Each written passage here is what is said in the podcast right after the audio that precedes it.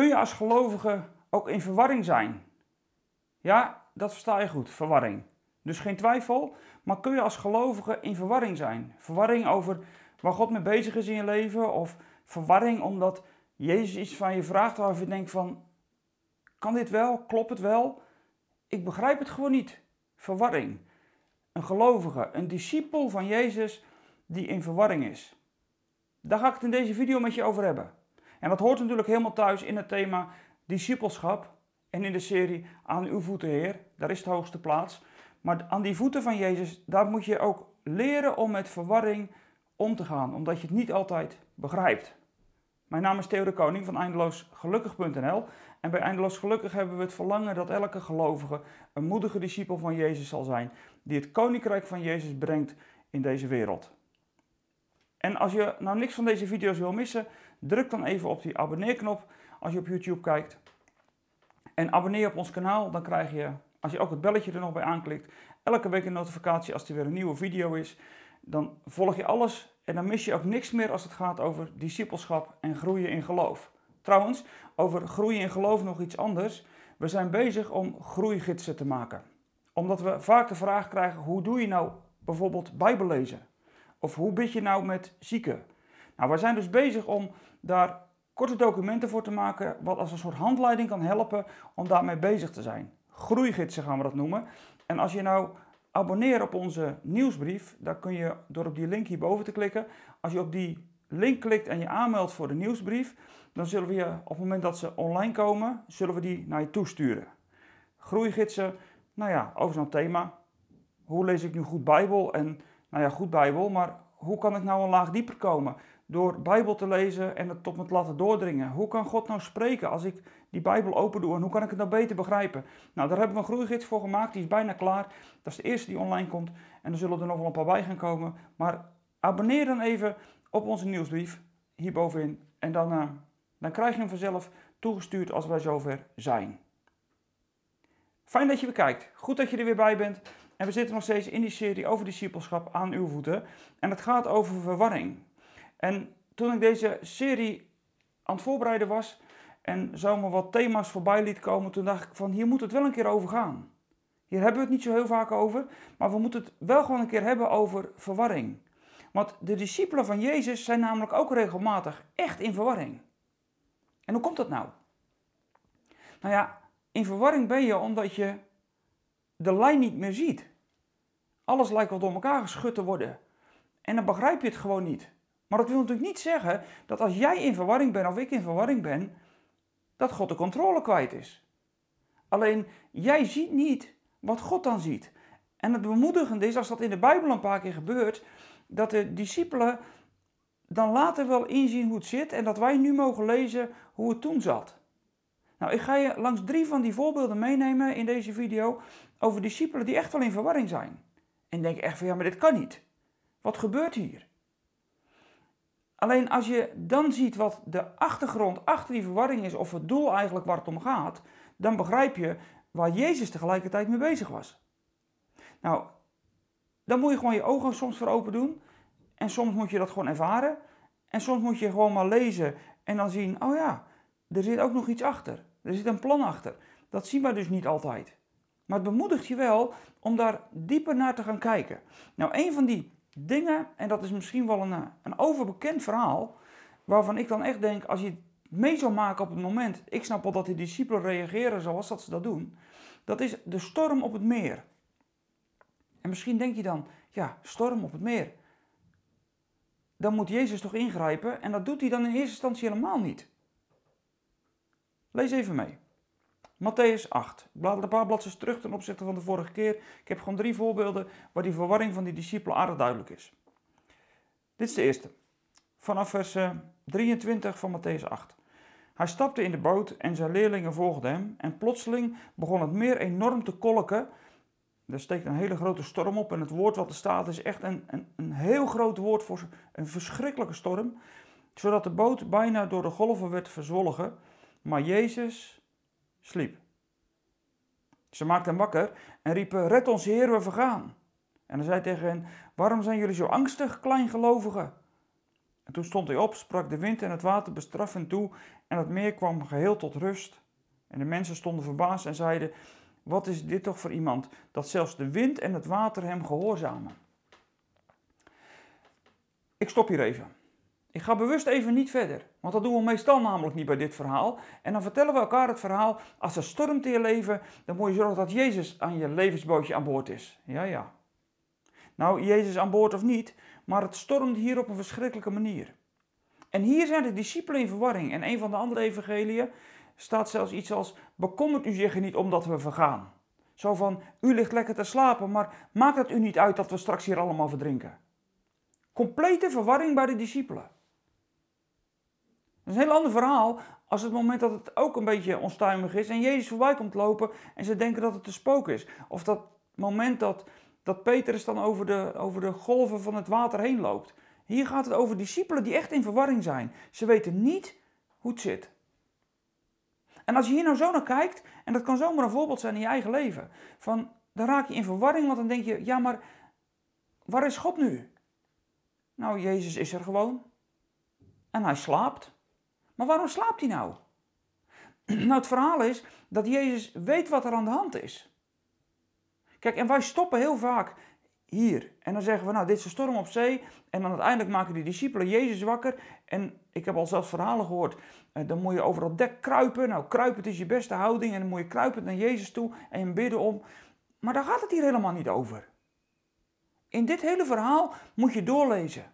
Je moet hier niet stoppen waar wij als mensen en als vertalers van al die Bijbels soms kopjes hebben gezet. Je moet even doorlezen. Want dan is die storm uiteindelijk tot stilte, gekomen. Dan zijn de mensen verwonderd wat er gebeurt en dan staat er dit. En toen hij aan de overkant in het gebied van de Gadarenen kwam, liep vanuit de grafspelonken, liepen twee bezetenen hem tegemoet in het andere evangelie er één. En ze waren zo gevaarlijk dat niemand er langs kon gaan. En ze begonnen te schreeuwen en te roepen: Wat hebben we met jou te maken, zoon van God? Ben je gekomen om ons pijn te doen nog voordat de tijd daarvoor is aangebroken? Nou, ik kan verder lezen, dat is het verhaal over Legio. Die stel, hij, hij moet dan daar zeggen hoe die heet, die demon. En dan zegt hij, we zijn Legio, we zijn met velen. En die stuurt Jezus dan straks de varkens in. Ik kan het hele verhaal wel lezen, maar daar gaat het nu even niet over. Dan stuurt Jezus die demonen, die varkens in, en die storten dan van de steilte af in de zee en die verdrinken. En uiteindelijk wordt Jezus natuurlijk het land weer uitgezet, want daar hadden die schaap, die varkenshoeders daar niet zo heel veel zin in. Nou, dat. Maar wat is er nou aan de hand? Terwijl dat Jezus ligt slapen en die storm op het zee komt, is dat niet een storm die een gewone storm is. Als je het woord in het Grieks ook leest, dan blijkt het ook om iets heel anders te gaan. Het is iets wat de machten van de duisternis aan de overkant van dat meer in gang hebben gezet. Want zij wisten dat Jezus eraan kwam en dat hij hen dan te grazen zou nemen. Ze zeggen ook: Bent u gekomen om ons nu al te veroordelen voordat de tijd daarvoor gekomen is? Dat is nog een keer een video apart, denk ik, om daar een keer wat over te zeggen. Want daar hebben die demonen wel iets wat wij ook vaak nog vergeten. Dat gaat natuurlijk over de tijd dat demonen straks in die put gegooid worden. Dat weten zij wel, maar het is nog niet zover. Al zijn ze er hier dus wel bang voor. En wat hebben ze gedaan? Ze hebben geprobeerd om Jezus te blokkeren naar hen toe te komen en die twee bezetenen, of één bezetene, net welke evangelie dat je leest, dat die bevrijd zouden worden. Als Jezus wil bevrijden, zul je altijd zien, komt de tegenstand. Als je met bevrijdingspastoraat bezig bent, dan zal je altijd zien, dat komt er weer onrust. Dat is altijd zo. En hier gebeurt dat ook. Maar even terug naar die discipelen. Die discipelen, die zijn in verwarring. Want Jezus ligt gewoon te slapen. Het kan bijna helemaal niet. Zo verschrikkelijk is die storm. Hoe kun je nou slapen als je bijna verdrinkt? Ja, Jezus wist uiteindelijk dat dit een hele andere macht was. Nou, dat is er eentje. Waar Jezus duidelijk maakt dat de, de verwarring van de discipelen niet helemaal klopt. En dan heb ik er nog wel één.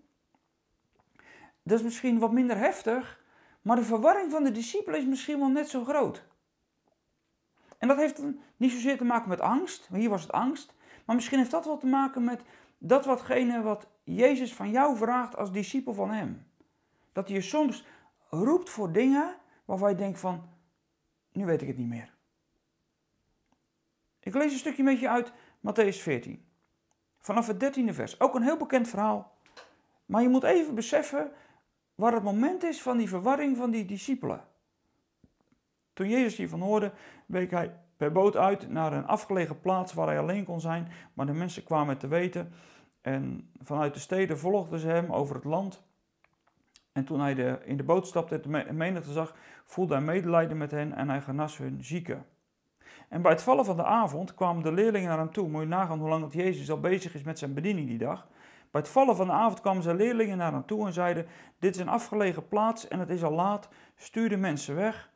Laat ze naar de dorpen gaan om eten voor zichzelf te kopen. Maar Jezus zei: Ze hoeven niet weg. Geven jullie hun maar te eten. Ja, ik stop hier maar. Alsof dat die discipelen een complete supermarkt bij zich hadden. Ja, ik zeg het misschien een beetje raar, maar zitten daar midden in de wildernis. Die plek is te wild, te ruig, hier kunnen we niet blijven. En ze hebben ook nog eens een keer honger, ze kunnen niet helemaal teruglopen, want ze hebben niet gegeten. Ze zouden allemaal flauw vallen. Ze zijn er, nou ja, wel hongerig aan toe, zullen we maar zeggen. En dan zegt Jezus tegen zijn discipelen, je hoeft ze niet weg te sturen, geven jullie ze maar te eten. Pardon? Te eten? Nou, ehm, ze antwoorden hem: Wij hebben hier niets dan alleen vijf broden en twee vissen. Nou, er zaten daar duizenden mensen. Het getal wordt niet eens genoemd, alleen de mannen worden geteld, dus vrouwen en kinderen niet eens erbij. Een enorme menigte mensen, meer dan 10.000. Geven jullie ze maar te eten. Ja, ja. Voel je de verwarring? Dan geeft Jezus hen een opdracht. En dan? Ja, dit geeft verwarring. Dan roept Jezus jou als discipel en dat geeft verwarring. Wat is nou de sleutel in dit gedeelte? In dat vorige was, er lag een verhaal achter, dat wist Jezus. Wat is het hier nou? Uiteindelijk is het hier dat Jezus die jou een opdracht geeft, ook echt weet welke opdracht dat hij jou geeft. En ik wil dat er even over nadenken. Gewoon even het tot je laat doordringen. Dat als jouw meester jou een opdracht geeft, dat hij jou echt niet uitdaagt tot iets wat niet kan. Dat denken wij soms in ons menselijk denken misschien. En die verwarring hier, ik snap echt die verwarring wel, jongens. Ik snap echt wel waarom dat die discipelen hier heel verward en eigenlijk bijna opstandig reageren. Want dat wat Jezus vraagt, kan ook helemaal niet. Met hun eigen ideeën. Vijf broden, twee vissen. Nou, gaat er maar aan staan. Vijf broden en twee vissen voor 10.000 mensen. Maar Jezus heeft het antwoord. Het enige wat zij moeten doen, is doen wat Jezus zegt. Meer niet. Geven jullie ze te eten. Moet je over nadenken. Dat is de enige opdracht die Jezus geeft. Hij zegt niet waar ze vandaan moeten halen. Hij zegt helemaal niks. Hij zegt alleen maar, geven jullie ze te eten. Dat was de enige opdracht. En kijk wat er gebeurt. Uiteindelijk gaat Jezus dan dat brood neemt hij dan aan, die vijf broden, die twee vissen. En je weet wat er gebeurt. Dan gaat Jezus breken en breken en breken en breken. En wat moeten de discipelen doen? Zij delen het uit. Zij doen precies datgene wat Jezus van hen vroeg. Geven jullie hen te eten. En Jezus zorgt voor de voorraad, zullen we maar zeggen. Dat kan hij als de zoon van God. Hij, ze heeft niet gezegd, jullie moeten voor voorraad zorgen. Hij heeft niet gezegd, je moet dit of dat of zus of zo doen. Hij heeft alleen maar gezegd, geven jullie hen te eten. Je moet luisteren naar de opdracht die Jezus je geeft. Als je dat niet doet, raak je in verwarring, want dan vul jij het in op een manier die misschien helemaal niet bij jou past of wat helemaal niet kan.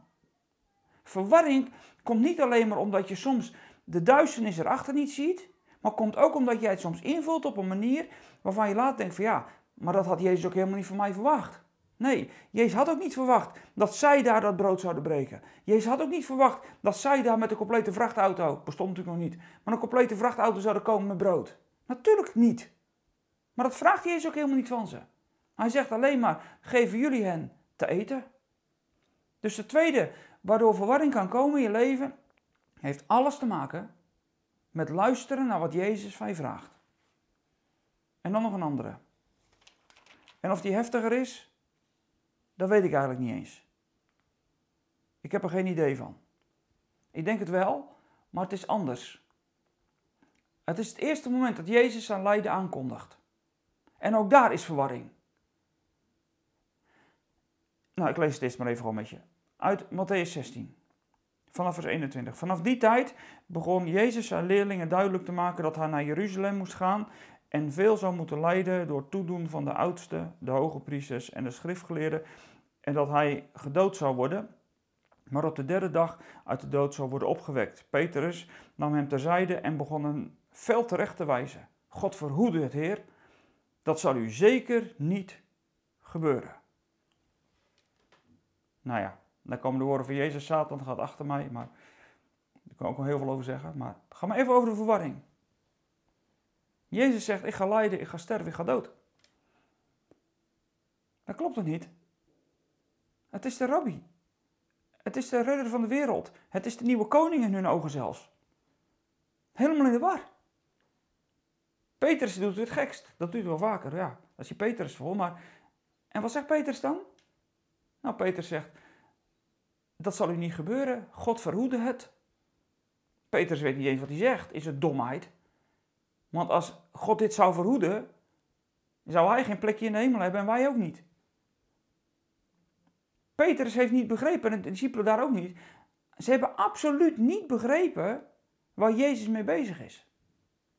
Ze hebben niet begrepen dat deze weg van Jezus nodig was. En dat zorgde voor verwarring. Ze begrepen hier in Gods weg helemaal niet. Het gaat hier niet over de duisternis die erachter zit. Natuurlijk ook wel, maar dat is niet wat nu voor verwarring zorgt.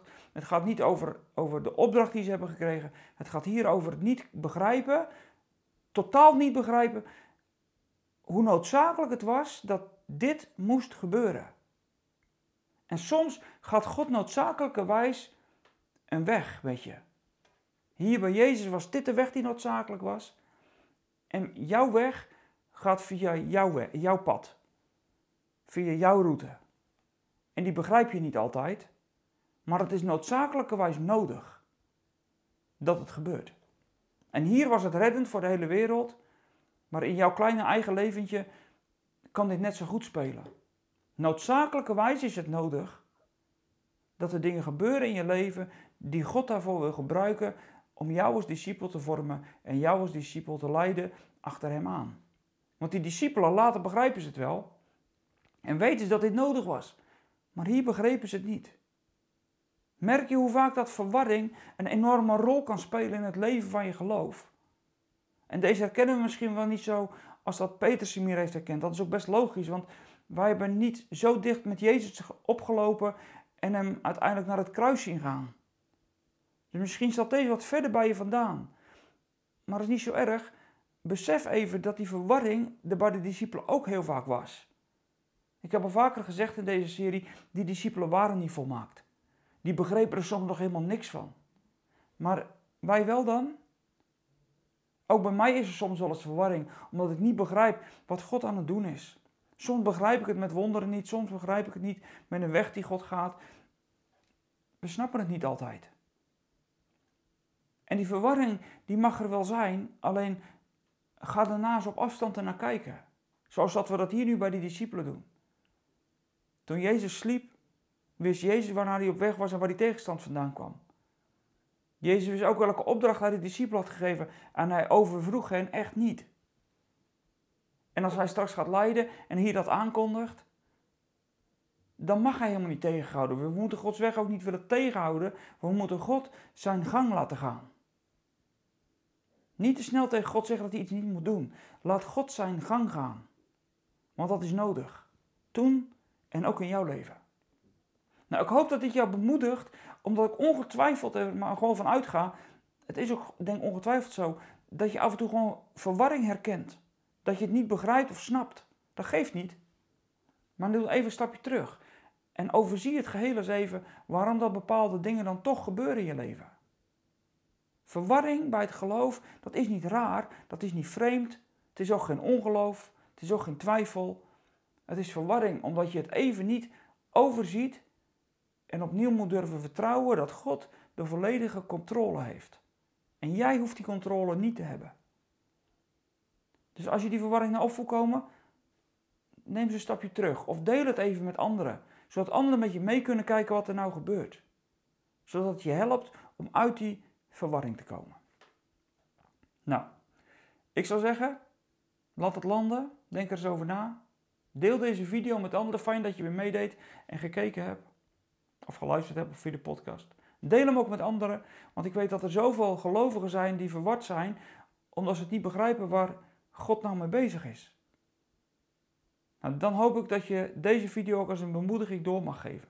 Mensen die misschien wel heel diep in de put zitten en het echt niet begrijpen. Maar help hen dit te doorzien.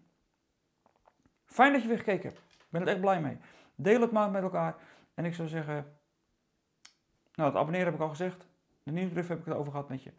Ehm, als je ons financieel wil steunen, dat vinden we natuurlijk heel fijn. Want ook wij hebben gewoon onze financiële verplichtingen.